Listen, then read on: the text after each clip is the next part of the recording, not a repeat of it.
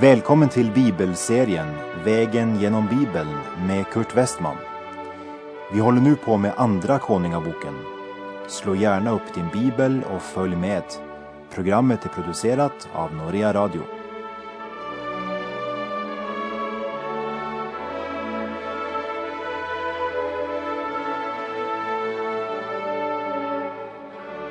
Efter att man i Jeriko erkänt att vattnet var dåligt och att marken därför inte bar någon gröda så gjorde Elisa sitt andra under. Han förkunnar att Herren nu hade gjort detta vatten sunt.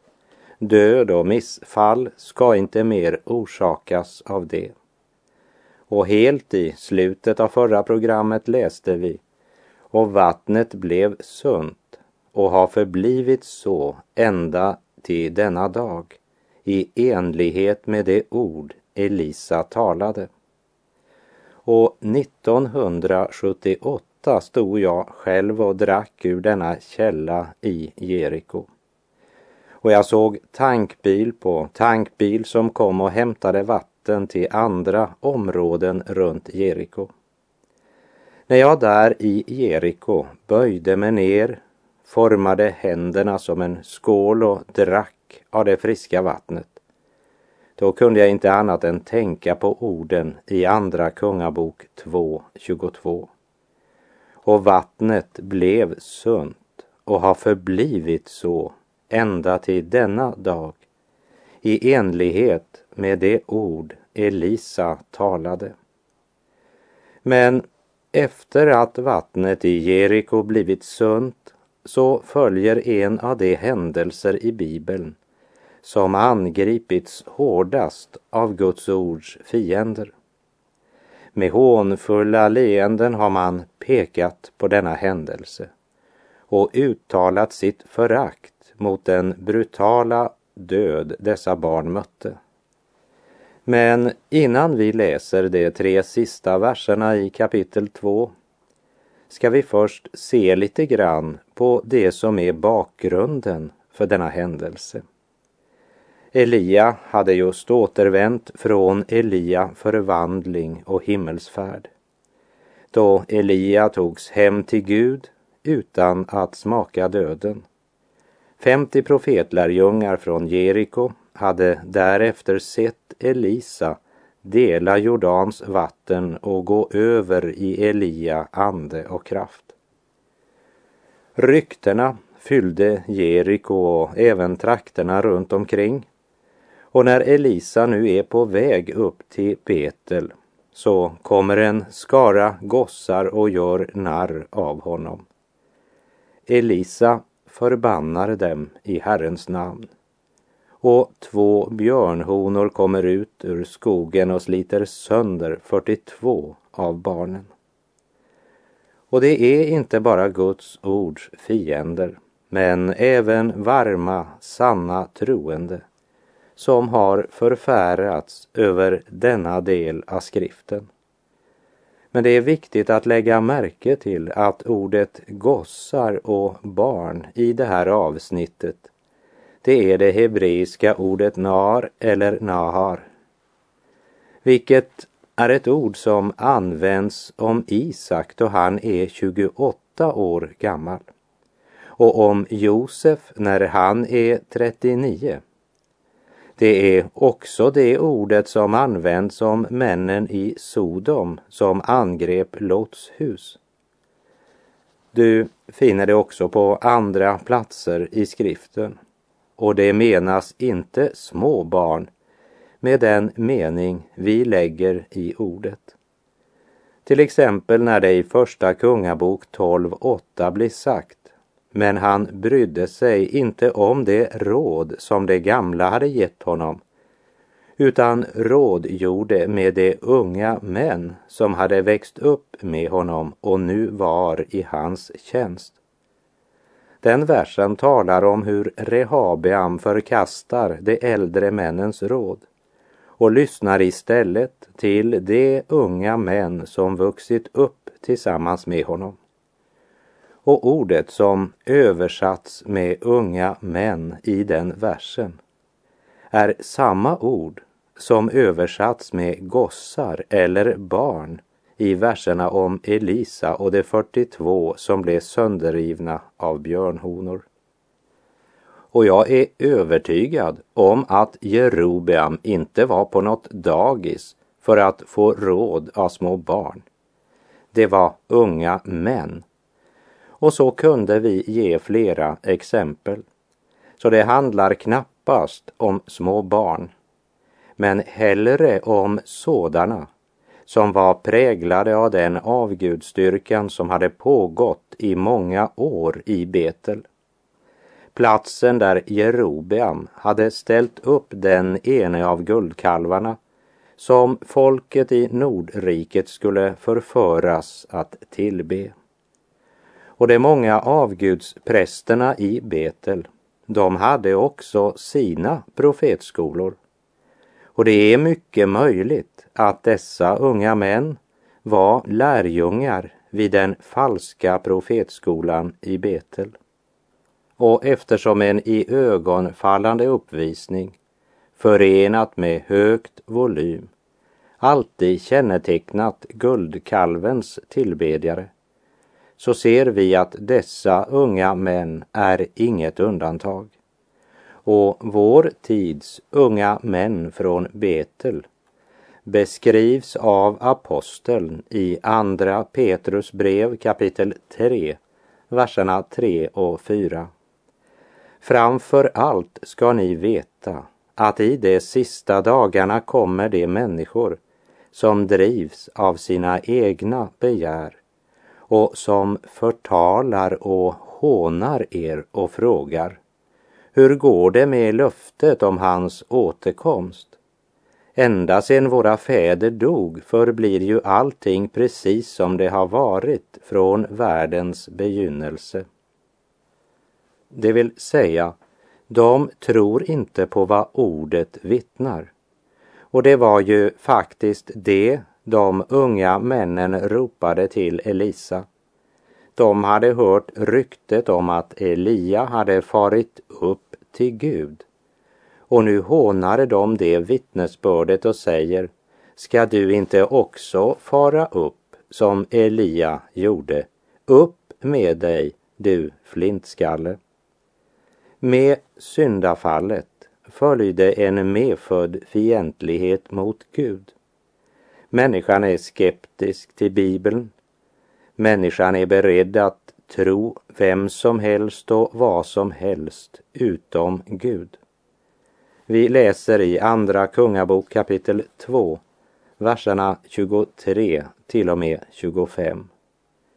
Därefter begav han sig upp till Betel och medan han var på väg dit upp kom en skara gossar ut ur staden. Och de började göra narr av honom och ropade till honom upp med dig, du flintskalle, upp med dig, du flintskalle. När han då vände sig om och fick se dem uttalade han en förbannelse över dem i Herrens namn. Då kom två björnhonor ut ur skogen och slet sönder 42 av dem. Därifrån gick han till berget Karmel och vände sedan därifrån tillbaka till Samaria.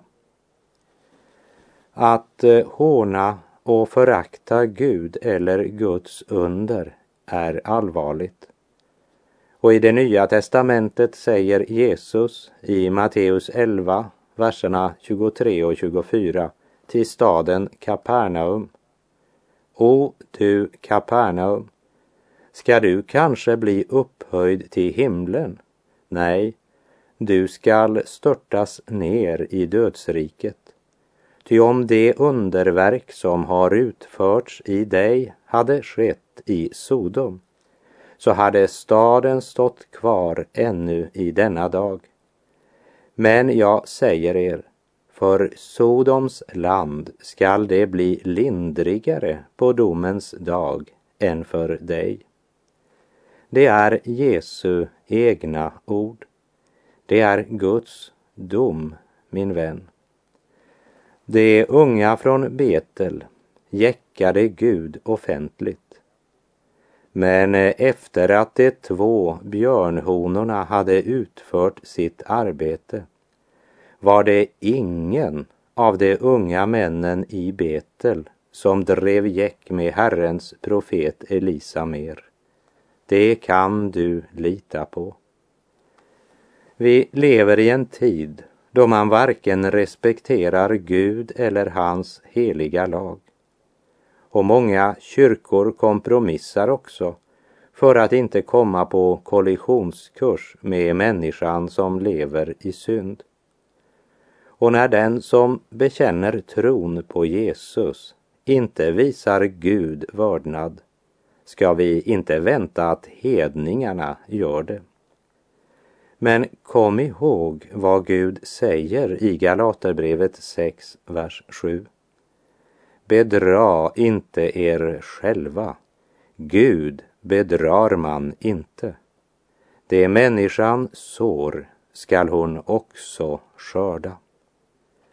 Om du kunde intervjua människor från det förgångna, vare sig de har tjänat Gud eller Satan, så skulle de berätta för oss att man måste skörda det man sår. Det är en omutlig Guds lag som inte kan förändras.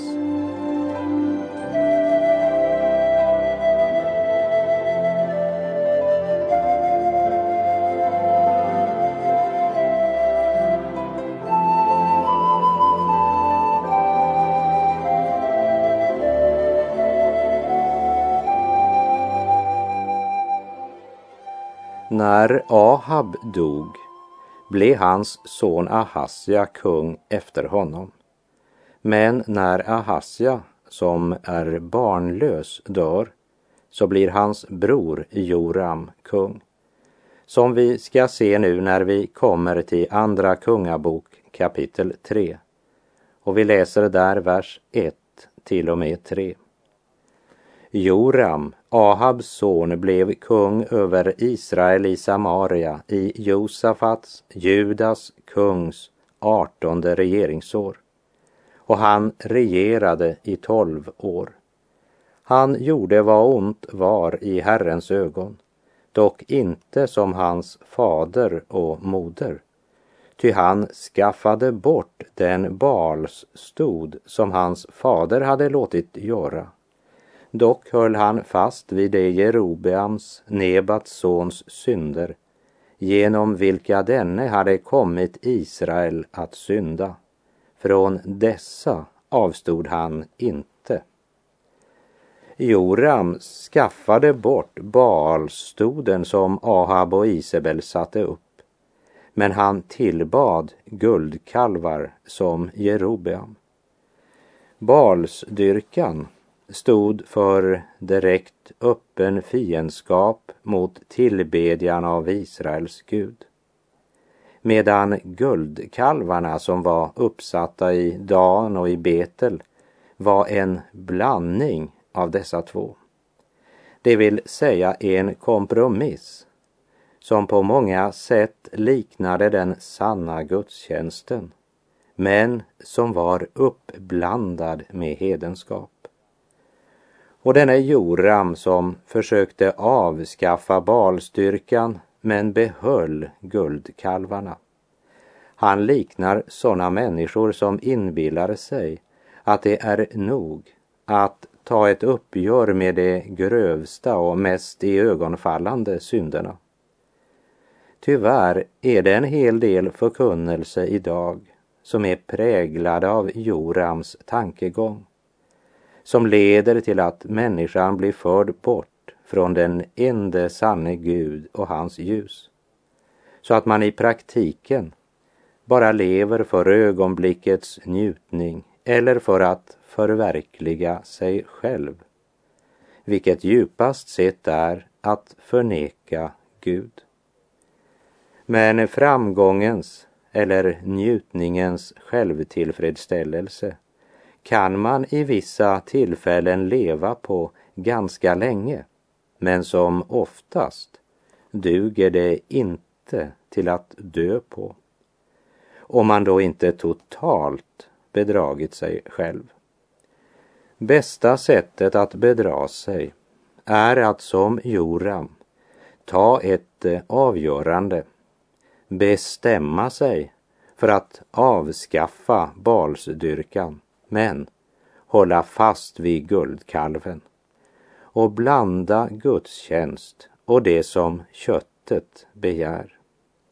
Och vi läser vidare vers 4 och 5. Mesa, kungen i Moab, som ägde mycken boskap, hade i skatt till kungen i Israel erlagt 100 000 lamm och ull av 100 000 vädurar. Men när Ahab var död avföll kungen i Moab från kungen i Israel. När Ahab dör bestämmer sig kungen i Moab att inte längre betala sin årliga avgift till Israel. Joram frågar Josafat om han vill alliera sig med honom för att underkuva Moab igen. Och Josafat svarar, mitt folk som ditt folk, utan att fråga Herren till råds. Utan istället så frågar han avgudsdyrkaren Joram vilken väg de ska ta. Och han svarar genom Edoms öken. Och vi läser vers 9 och 10. Så drog då kungen i Israel, kungen i Juda och kungen i Edom ut. Men när de hade färdats sju dagsresor fanns inget vatten för hären och för djuren som de hade med sig. Då sade Israels kung, ack att Herren skulle kalla tillsammans dessa tre kungar för att ge dem i Moabs hand. Joram hade utan att fråga Herren mönstrat sin här. Josafat hade utan att fråga Herren gått i allians med Joram. Och utan att fråga Herren drog man ut i strid. Men när svårigheterna börjar komma, då får Gud skulden. Vi vandrar vår egen väg och när konsekvenserna av våra val gör sig gällande så säger vi, hur kan Gud tillåta att detta sker? Lägg märke till det lilla ordet men i vers 9. Joram gick på sina egna vägar och Josafat lät sig lockas att göra honom sällskap utan att fråga Herren. Men när de hade färdats sju dagsresor fanns inget vatten för hären och för djuren de hade med sig.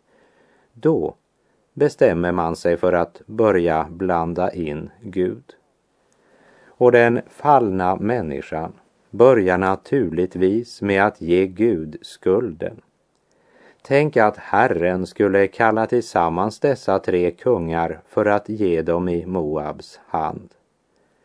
Det var inte Herren som hade sammankallat varken till denna allians eller till denna krig. Det var avgudsdyrkaren Joram. Och den som inte har tid att lyssna till Gud eller kanske inte ens vill lyssna till Gud hamnar lätt i sällskap med Joram.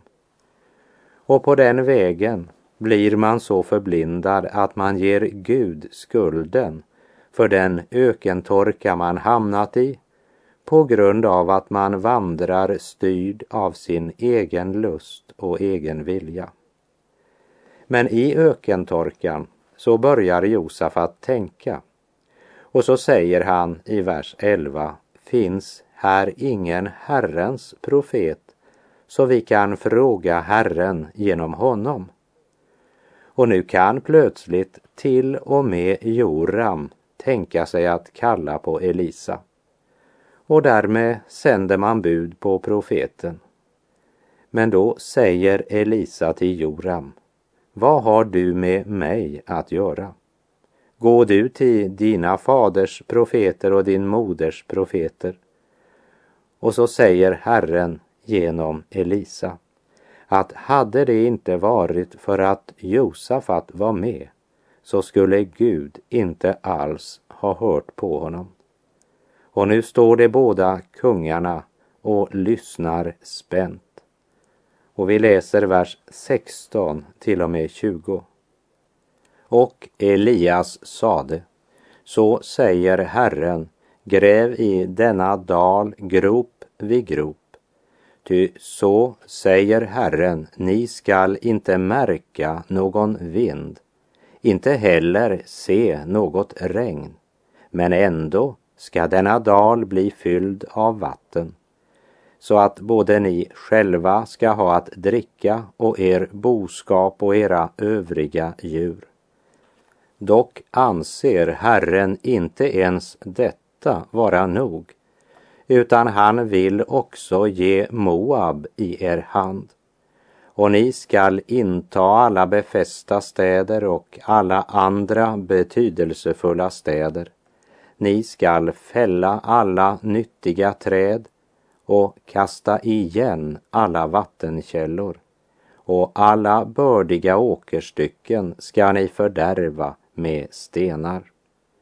Och se, på morgonen vid den tid då spisoffret frambärs strömmade vatten till från Edomsidan så att landet fylldes med vatten.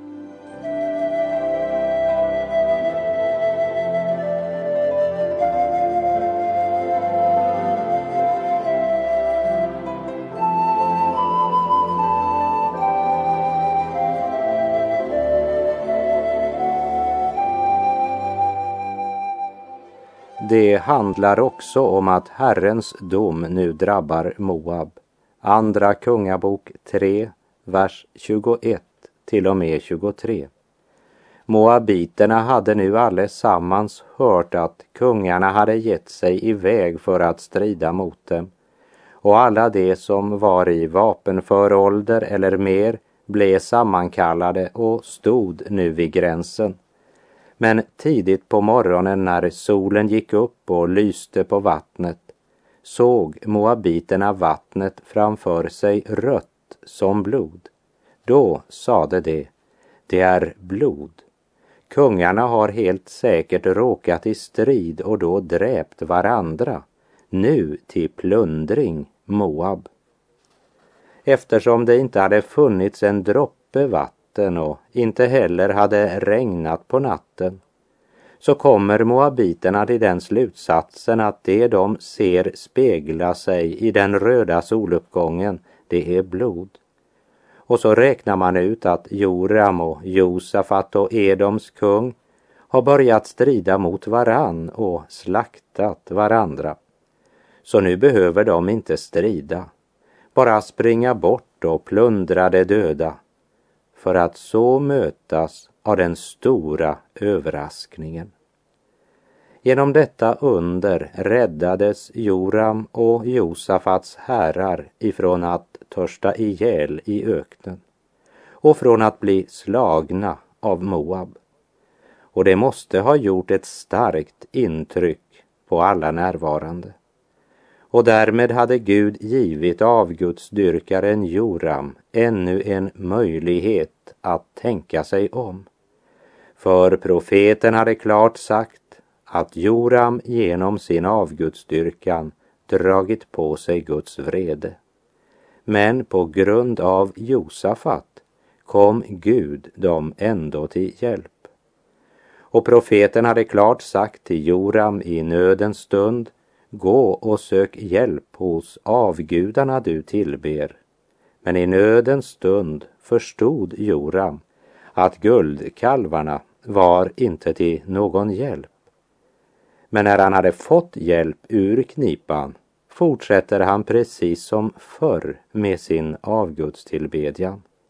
Han vill inte omvända sig till Gud, men samtidigt så är han tvungen att desperat söka en mening i livet och guldkalvarna var den lösning Joram valde. Övertro och vidskepelse är ett av de starkaste vapnen i Satans vapenförråd.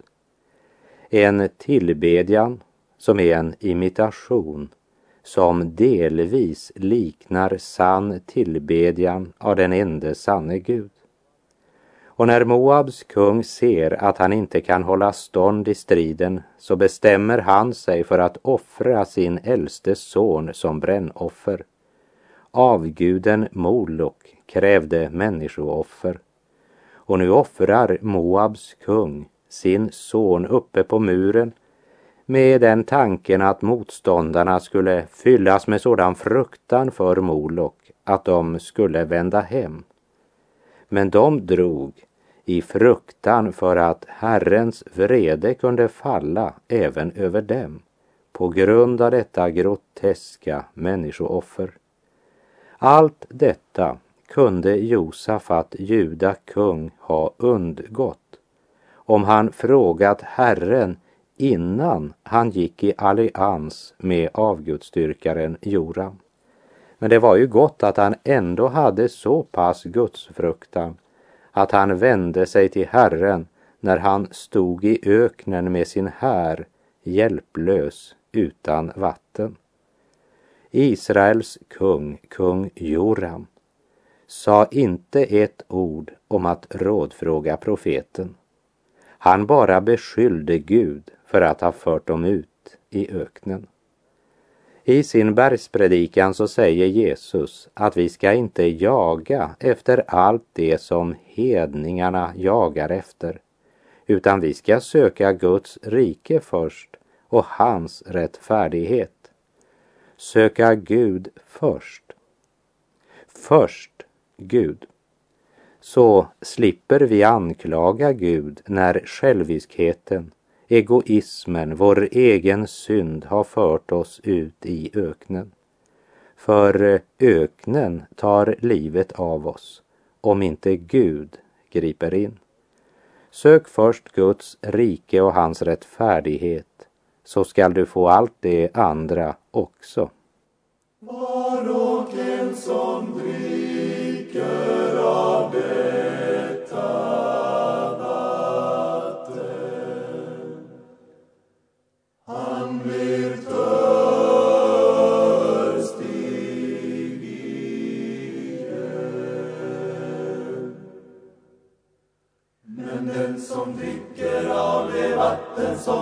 ge honom han skall aldrig i evighet törsta ja, ja, den som dricker av det vatten som jag ger honom han skall aldrig